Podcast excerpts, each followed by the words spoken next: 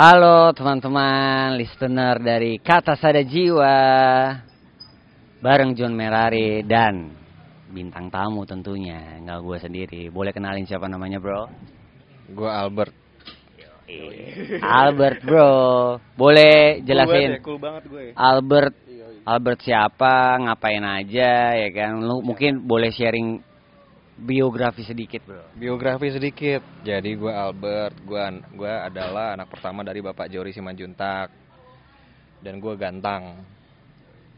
Udah itu aja. Oke, kalau gue tentu saja John Merari, eh, seorang video editor sehari-harinya. Oh, gue lupa.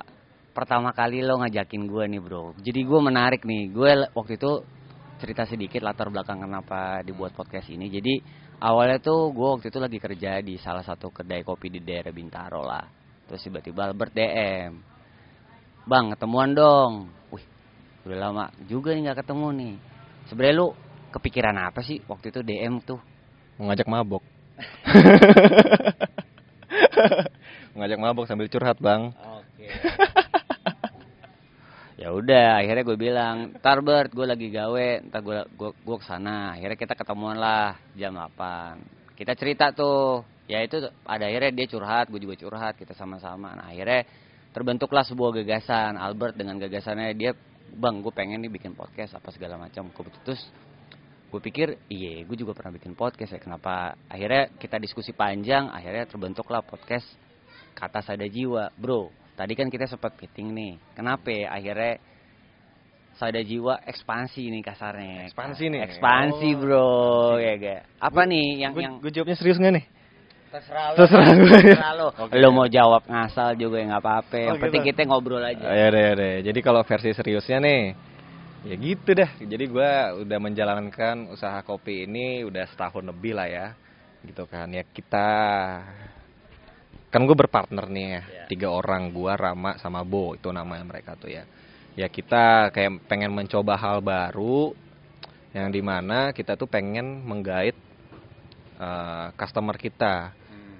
nggak cuman dari varian rasa produk atau tingkat keenakan produk lah gitu kan kalau itu kan ya itu pasti setiap setiap setiap saat pasti kita lakukan gitu kan peningkatan kualitas produk segala macam cuman kan kita belum sih kayaknya belum. Mencoba untuk kerana yang tadi gue bilang yang untuk menyentuh hati customer itu gitu. ya kan?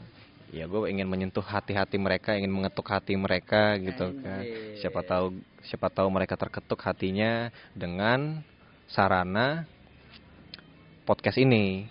Oke. Gitu. Gue kan gua kan juga beberapa kali lah pernah dengerin podcast terus gue dengerin wah asik juga nih podcast nih kan ya. Lu bisa curhat di situ lu bisa sharing pengalaman lu lu bisa ketawa-ketawa di situ kan dan sometimes ada podcast yang bisa bikin gue ketawa bisa Iya. bikin gue berpikir bisa bikin nambah wawasan gue ya kenapa nggak sadar jiwa aja yang melakukan itu gitu niatnya Filosofi banget. Eh, filosofi visioner banget, Bro. Ya ga? Nah, kita tarik ke belakang banget nih, Bro. Sebenarnya jadi awal mula kenapa gue tertarik eh, untuk kolaborasi lah kasarnya. Yang semangat kolaborasinya lagi banyak banget nih. Jadi gue gue awal mula ketemu Albert tuh kalau boleh flashback banget itu mungkin sekitar 10-15 tahun lalu. Jadi waktu itu gue melatih Albert untuk eh, sebuah drama ya kan, sebuah drama musikal di sebuah pementasan lah. Gue melihat Albert ini cukup potensial dalam artian dia diem tapi sebenarnya kalau gue lihat dia punya sesuatu. Sebenarnya sesuatu itu kan pasti bertumbuh bet. Nah, lu boleh ceritain nggak apa sih yang, yang lu pegang selama ini dalam hidup pedoman hidup lu lah? pedoman gue ya banyak sih pedoman gue nggak cuma satu cuman dalam hal apa nih lu bisa arahkan Oke, kalau gue spesifik misalkan dalam lu menilai sebuah kehidupan, kehidupan tak lu berrelasi dengan teman, Oke, oke. kehidupan lu dengan, ya. Eh, ya general dulu kita ngomongin. Dari teman dulu deh. Yes. Eh, nggak usah langsung general aja nih. Kalau secara general gue ngeliat hidup tuh ya ngeliat kehidupan. Itu tuh serba relatif bro. Gitu. Jadi Gimana tuh relatif versinya Albert nih? ya sama kayak Albert Einstein kan bilang juga semua tuh relatif gitu kan. Nggak ada yang pasti gitu kan. Gue pergi ke kantor misalnya. Hmm. siangan nih. Bukan kesiangan maksudnya datangnya siang misalnya jam 12 siang harusnya gue masuk jam 9 gue jam 12 siang malah gue datang gitu kan. Ya orang lain pasti nilainya anjing nih orang nggak disiplin gitu ya. Nggak tahu diri lu udah digaji datang siang gitu kan. Hmm. itu kasarnya ya. Atau atau ya gitulah intinya nggak disiplin lah gitu. Cuman kalau dari perspektif gua ya gue bisa bilang ya gue dat gua datang siang karena gue malamnya kerja gitu kan. Bisa kan gue bilang gitu? Gue mengerjakan hal lain yang bukan kerjaan kantor. Dan toh pun kerjaan kantor juga gue kerjain dan itu selesai. Itu perspektif gue jadi. Jadi kan soal masalah uh, datang siang ini relatif dong hmm. gitu kan. Bener apa tidaknya itu kan relatif. Contohnya itu gitu kan. Terus soal ya kayak misalnya lu naik motor berkendara di jalanan gitu ya tabrakan gitu kan. Pasti tiap orang punya perspektif yang berbeda-beda. Ya. Kayak ada misalnya ada dua dua insan manusia yang saling membenci gitu kan. Pasti mereka punya perspektif yang berbeda-beda. Si A benci karena ini si B bencinya karena ini gitu loh. Masing-masing sama sama-sama membenarkan dirinya gitu kan. Padahal masing-masing juga punya kesalahan yang menurut gue itu juga relatif gitu loh. Relatif. Jadi uh, sampai akhirnya gue simpulkan kalau nggak semua pendapat nggak semua kejadian nggak semua hal itu benar atau salah. Mereka punya punya alasan tersendiri kenapa kejadian itu bisa terjadi. Kayak gitu. Jadi kalau misalnya lagi nongkrong gitu ya orang punya pendapat apa gitu ya udah gue dengerin. Orang punya pendapat lah si B punya pendapat lain gue dengerin. Gue tampung informasi gue tampung. Dari informasi-informasi tersebut ya gue olah lagi sendiri di otak gue nih gitu kan. Sampai akhirnya gue mengimplementasikannya sesuai dengan prinsip gue gitu loh. Hmm. dan prinsip gue ini pun belum tentu benar ya. ya kan? Perspektif juga itu kan. Ya itu relatif semua jadi serba relatif. Yang penting yang lu jalanin tuh lu banget. Yoi. Jadi ibaratnya uh, relativitas itu memang nyata lah di di mata seorang Albert. Nah, yang menariknya kemudian relativitas itu kan pasti nggak timbul tiba-tiba lah. Pasti ada sebuah peristiwa yang ngebuat lo berpikir, oh ternyata cara pandang gue sebelum relativitas ini salah nih. Nah peristiwa apa sih yang ngebuat lo akhirnya bahwa berpandangan segala sesuatu itu relatif gitu? Peristiwa peristiwa sehari-hari sih. Oke. Okay. Gue kan tipe kalian kan orang yang apa ya gue orangnya cukup vokal. Ya, cukup banyak bacot gitu kan. Tapi uh, eh, gue uh, suka berpikir berpikir apa sih secara apa istilahnya ya diem-diem mikir lah gitu lah ibaratnya lah gitu kan diem-diem mikir gitu. Yang ketika ketika gue mengalami kejadian-kejadian tertentu gue sambil diem-diem mikir gitu kan ya pas gue mikirin itu misalnya ada kayak masalah apa ya? Ya perseteruan lah gitu kan ya. Gue mikir si A bilangnya apa si B bilangnya apa gitu. Di di suatu kejadian itu uh, eh, gue bingung banget nih menentukan siapa yang benar gitu kan. Waktu itu pernah lah ada peristiwa gue tuh melerai perseteruan gitulah ya kan. Si A bilangnya dia benar si B bilangnya dia benar terus siapa yang benar gitu ya. Gue sebagai pihak di tengah-tengah ya gue bingung kan. Yeah mau ngapain gitu kan. Dan kejadian-kejadian itu itu tuh selalu ada di kehidupan kita sehari-hari. Okay. itu yang membuat gue terbiasa berpikir kalau semua tuh punya perspektif masing-masing nggak ada yang bisa disalahin. Yeah, yeah. gitu. Makanya makanya lah timbul aturan-aturan kayak undang-undang gitu kan peraturan negara bahkan agama gitu kan. Itu untuk menyatukan perspektif, perspektif gitu. Iya sebenarnya gitu sih gue mandangnya ya. Iya, iya. Jadi nggak salah sebenarnya ada agama, ada peraturan apa segala macam ya itu untuk menyatukan perspektif dari miliaran orang, miliaran manusia yang ada di dunia ini. Iya. Gitu. Soalnya kalau nggak ada aturan kayak gitu, ya semua punya pendapat masing-masing. Kacau lah dunia kita ini, hancur lah. Setuju banget. Kenapa gue setuju? Karena ya memang benar ketika sebuah keterat ketika sebuah ketidakteraturan tidak diregulasi sebuah peraturan iya. itu akhirnya jadi chaos yang akhirnya kayak sekarang lah. Contohnya Indonesia mau maju mau bikin kota AP ada aja isu-isu di tiup yang dibilang. Nggak jadinya tadi katanya ibu kotanya mau oh, Indonesia banget kok ada founder dari luar gitu. Itu sama kayak yang Albert bilang.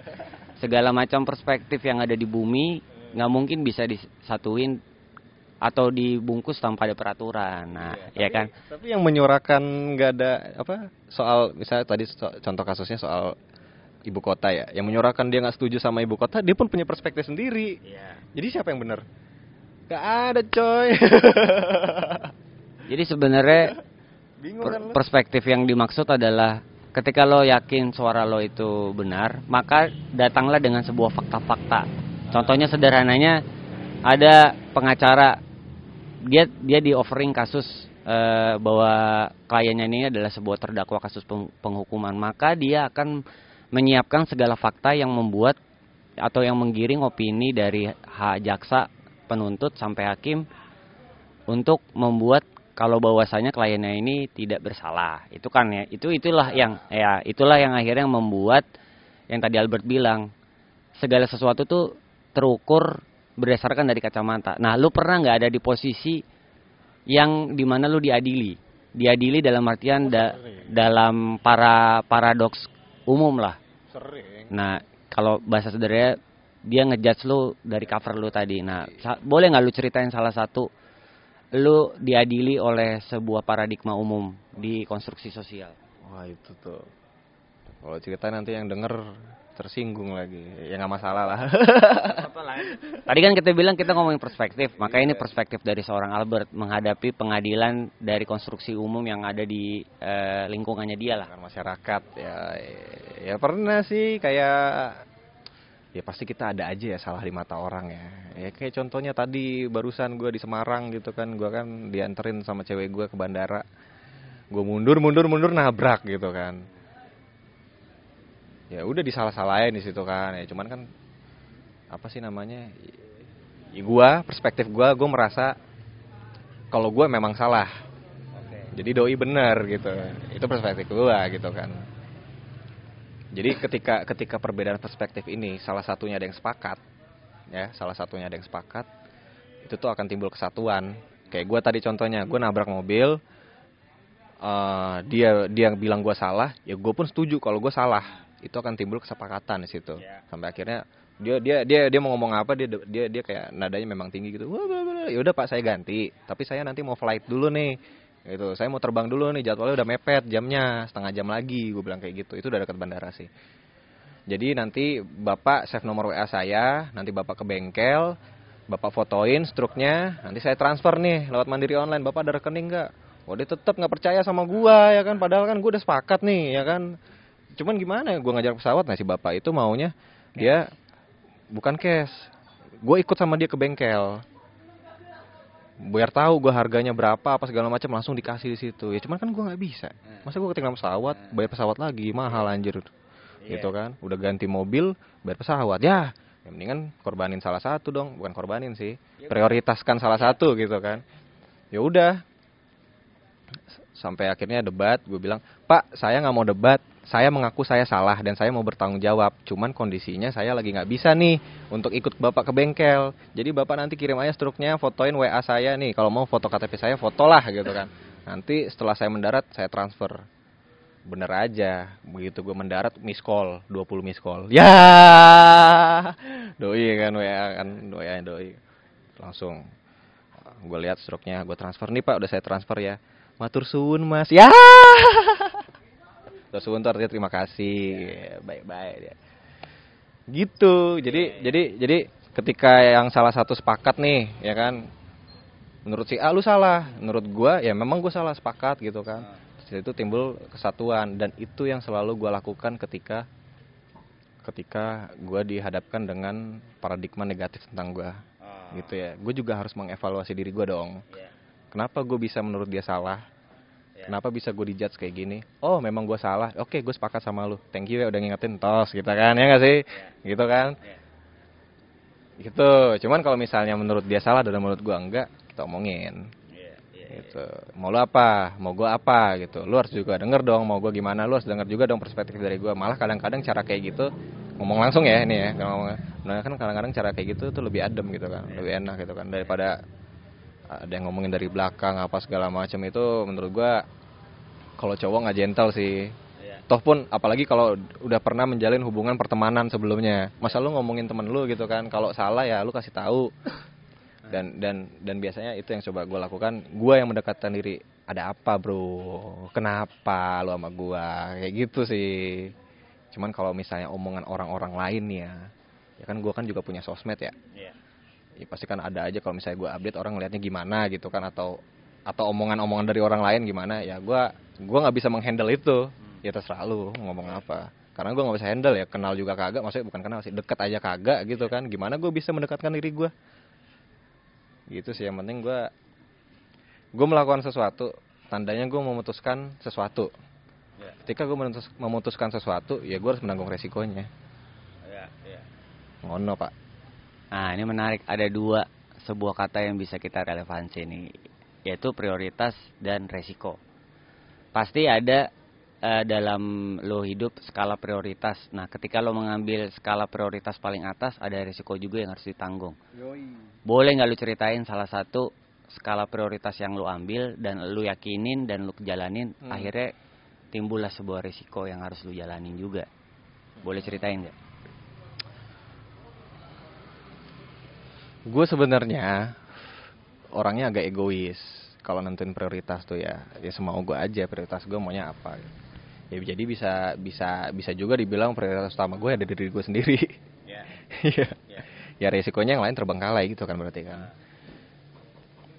Ya gitu sih ya gue fine fine aja. Gue memprioritaskan yang harus gue prioritaskan dan gue memang harus mengkorbankan prioritas yang lain yang dibawa-bawa gitu. Menurut gue wajar sih kayak gitu Wajar. wajar sih itulah kenapa kita harus membuat prioritas kan karena itu Ya. ya kan Boleh diceritain spesifik nggak skala prioritas egois lu sampai akhirnya ngebuat banyak yang terbengkalai lah. Contoh spesifiknya. enggak sih lebih lebih lebih tepatnya untuk mensetelkan diri gue sendiri membahagiakan diri gue sendiri itu seperti apa gitu ya mungkin ya ini agak agak agak bias juga sih soal prioritas diri sendiri ini. Ya mungkin misalnya gue bahagia ketika gue melihat nyokap gue tersenyum. Ya enggak sih? Misalnya tuh ya. Ini keren nih. Iya. Misalnya misalnya kayak gitu gitu kan. Itu itu gue bahagia kayak gitu. Ya berarti itu masuk ke prioritas gue dong. Prioritas gue yang utama adalah membahagiakan diri gue sendiri.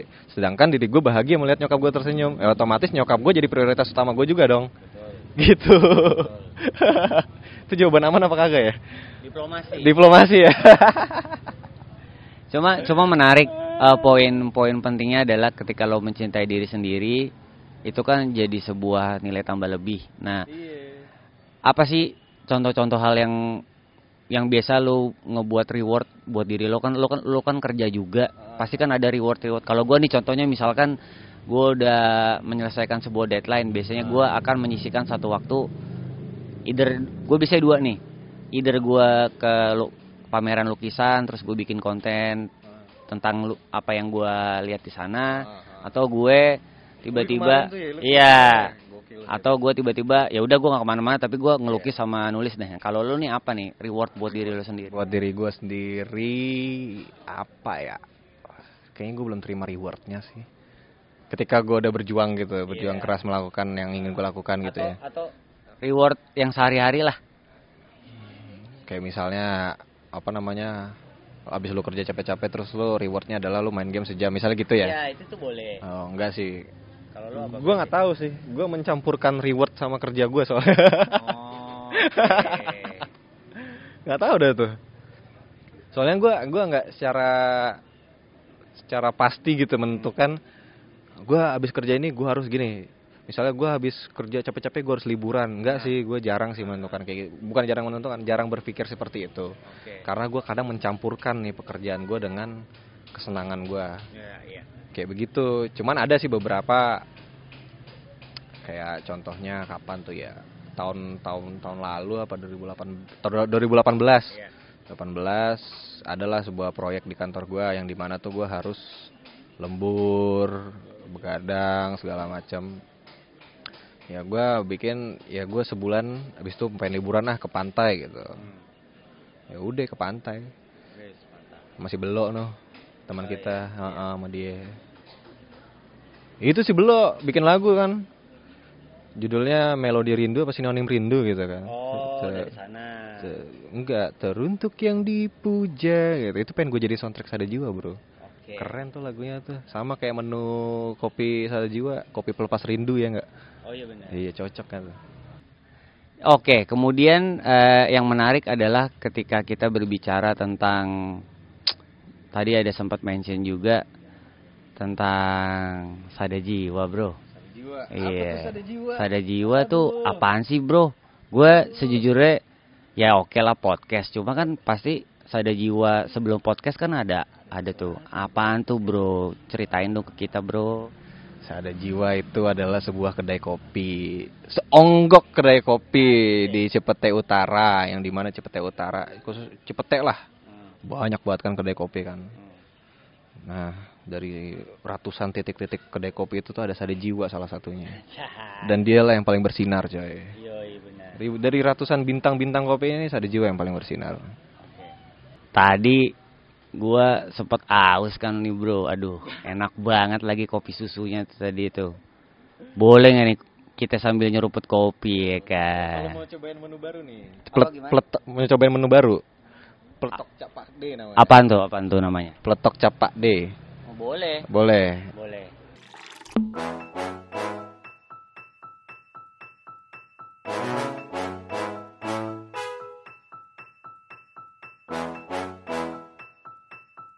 Eh, tadi tuh terakhir kita sampai ke pernah nggak sih lo ngelakuin segala sesuatu tuh tiba-tiba bukan tiba-tiba tapi memang diyakini untuk orang lain gitu karena menurut gue ketika lo melakukan untuk orang lain setidaknya rasa lelah itu bisa diredam sedikit Hmm, Pernah sih merasa merasa puas kayak gitu. Dan memang gue orangnya suka berjuang juga kan. Yoi. Itulah. bacot, bacot. Terima kasih gitu. Terima kasih. Terima kasih yang ujung-ujungnya di mana gue mau nggak mau juga menerima gitu kan. Gue pernah di masa eh, ini ngomongin soal ini ya soal apa? Soal almarhum bokap gue. Iya, iya. Ya. Apa tuh? Ini apa nih? Taruh, apa tuh? Bang, kasih tau bang, ini apaan bang? Ini adalah bir peletok capak D. Wih, bir. Wih, di bir. Iya. Ini buat buatannya dari mana nih? Kita terinspirasi dari maraknya anak muda yang suka kopi sekarang. Oke. Jadi kita menciptakan suatu kopi yang anak muda bisa terima juga gitu. Ada bir-bir ala-alanya.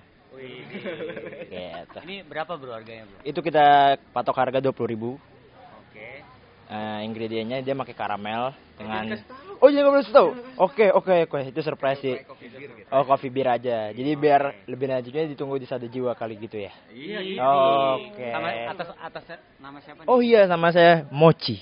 Oke, jadi buat teman-teman yang di daerah sekitaran Cipete, kalau misalkan mau nyobain tadi kopi peletok cap Pak D, itu bisa datang ke Sada Jiwa di daerah Jalan Pawon, tinggal follow Instagramnya. Oke, kita lanjut lagi. Tadi terima kasih buat bokap. Kenapa? Hmm. Terima kasih buat bokap. Jadi baru-baru ini kan bokap gue meninggal nih barusan nih. Gue tadi kan ngomongin pernah nggak sih lu merasa puas gitu atau merasa apa lega ketika sudah memperjuangkan sesuatu gitu ya gue gue kalau ngomongin itu gue merasa puas gitu karena bokap gue kan udah lima tahun ya sakit stroke ya. Gue puas aja gitu. Gue udah ngerawat dia gue udah mandiin dia. Kan kalau bokap gue kan stroke nya sebelah kanan. Tangan kanan sama kaki kanannya nggak bisa gitu. Ngomong juga udah nggak bisa gitu kan. Ya gue puas aja udah ngerawat dia udah mandiin udah ngasih makan udah ngasih minum. Itu kan udah apa sih ibaratnya udah terapiin gitu kan gitu. Itu kan gue memperjuangkan dong supaya, supaya doi bisa sehat gitu kan. Ya gue puas aja. Setidaknya gue sudah memperjuangkan dan walaupun berujung dengan tidak menjadi normal seperti dia sehat sebelumnya walaupun ujung-ujungnya dia meninggalkan dunia tapi yang penting gue nangkapnya aja mereka eh mereka lagi. Bokap gue tuh udah sembuh gitu. Dan itu yang yang yang yang membuat gue juga ya thank you juga gitu ya udahlah doi udah sembuh udah di surga gitu kan gitu kan. Yang penting gue udah memperjuangkan ya. Gue lega aja sih di situ, di situ. Itu yang kalau ngomongin kejadian akhir-akhir ini ya. Baru baru bulan kemarin. Desember. Gitu. Ya gue boleh ngelanjutin dikit. Jadi menurut gue kenapa akhirnya Albert bilang itu anugerah kan? iya. Ya itu anugerah karena menurut gue sebuah anugerah buat keluarganya Albert ketika dia mening beliau meninggal pada saat malam Natal. oh iya itu menurut gue sebuah anugerah yang banyak orang mungkin tidak pernah mer- ya mungkin tidak pingin tapi pada akhirnya menurut gue itu cara diselamatkan yang menarik gitu karena dia di dia dipanggil Tuhan di mana Tuhan juga melahirkan anaknya. Iya kan? Jadi kayak itu sebuah eh, apa ya kalau bahasa anak Instagram semesta yang me- merancang gitu itu Merancang, yoi. dan itu bisa dilihat ketika keluarga dari beliau juga eh, bersyukur gitu. Gue melihat itu gitu. Ada ada ada sebuah enjoyment. Artinya kayak lepas gitu artinya bukan lepas karena beban selama ini tapi karena oke dia sudah berada di tangan yang tepat. Iya kan? Betul nggak? Iya, lebih tepatnya karena bokap gue udah berada di tangan tepat ya udah sama doi yang di atas gitu loh. Ini ini ini kalau dari perspektif Kristen ya gitu kan. Kan pasti kan mereka yang denger ini kan nggak nggak cuman agama gue doang gitu kan. Cuman kalau kalau kalau menurut pertanyaan yang tadi yang soal kelegaan ketika lu sudah memperjuangkan sesuatu ya itulah gitu. Gue lebih ke kan kadang ada orang yang kayak sedih apa gimana tapi menurut gue itu boleh sedih. Pasti dong gue juga sedih gitu. Nangis nangis gue gila. Pertama kali gue nangis nangis kejer kayak gitu waktu itu. Ya cuman mau gimana? Kayak lo bilang tadi semesta sudah merancang gitu kan. Doi yang di atas sudah merancang ya kita harus nerima. Dan gue rasa pun bokap gue juga nggak mau ngelihat gue terlarut-larut dalam kesedihan gitu kan. Kayak paling bokap gue ngomong gini udah kamu tenang aja papa udah di surga sama Tuhan. Gitu aja kan. Iya. paling kan gitu kan gitu.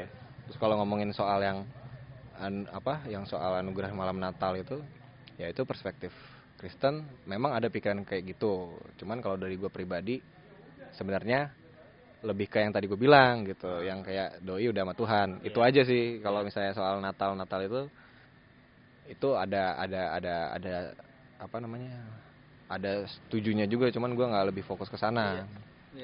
Dan dan apa sih namanya penderitaannya berakhir. Gitu. Either, either either itu dengan cara doi naik eh, doi ke surga atau dengan cara dia sembuh total gitu kan. Cuman kan kalau dilihat kalau misalnya harus sembuh total itu kan agak sulit memang gitu. Ya udah ya doi punya rencana ya gue panggil aja lu sini gitu kan. Ya dipanggil lah sama doi. tinggal tunggu giliran kita kapan.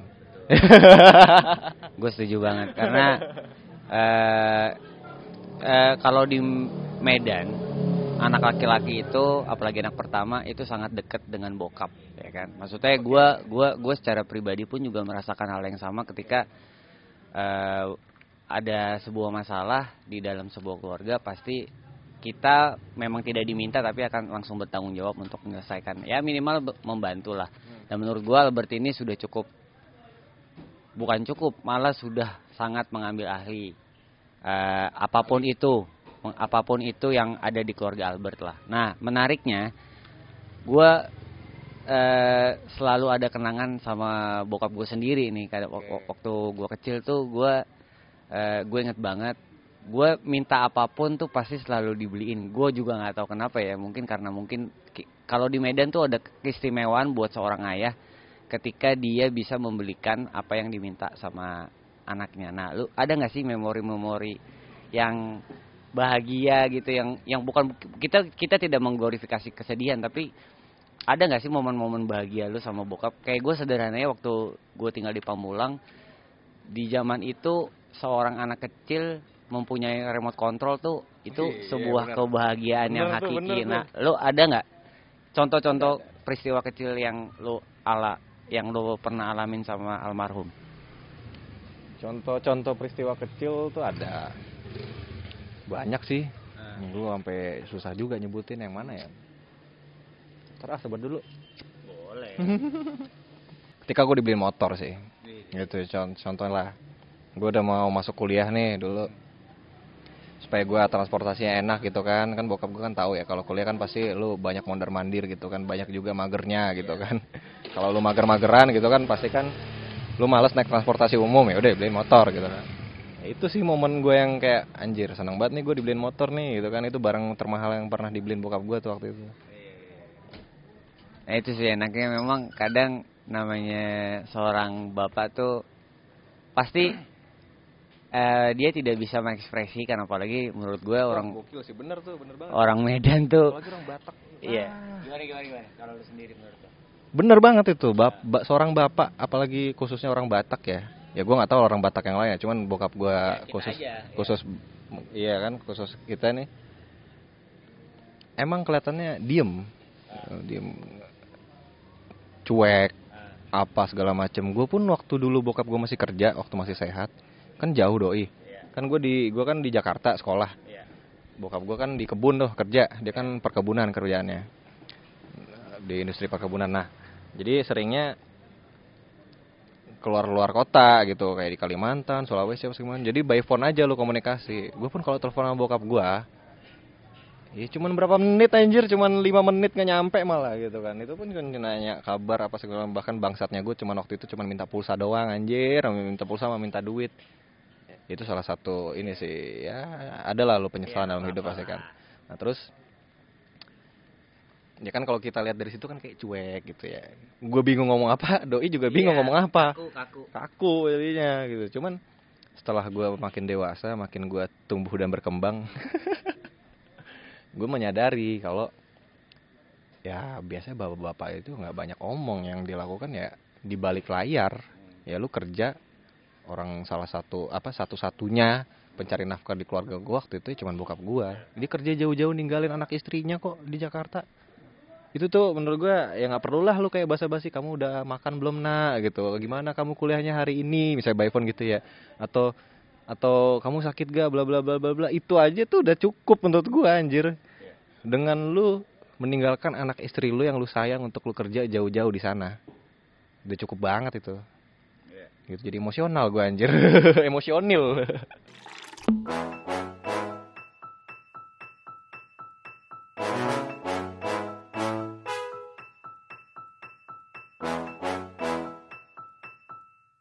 Jadi ada Instagramnya Kopi Sada Jiwa, tinggal dicari aja di Instagram. Kemudian buat warga Depok bisa juga nanti dicari informasinya di Sada Jiwa di Instagramnya tentunya di Jakarta Timur juga. Nah, beroperasinya kalau untuk yang di pusat nih atau di, di Ci- Cipete ini hari apa aja sama jam berapa? Mungkin siapa tahu ada yang pengen datang nih nanti ya kan ngobrol sama Bang Albert. Ya.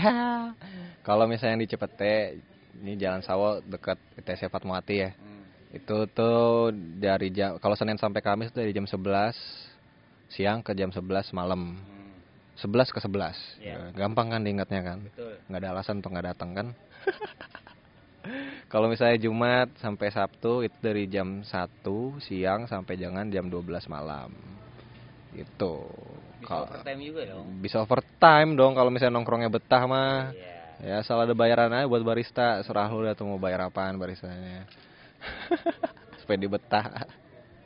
Ya jadi sada jiwa juga nggak cuma eh, menye- me- apa ketika lo mungkin lagi males datang gitu, lo lagi mager atau lagi rebahan, pengen nyeruput kopi bisa juga di order di mana nih bang?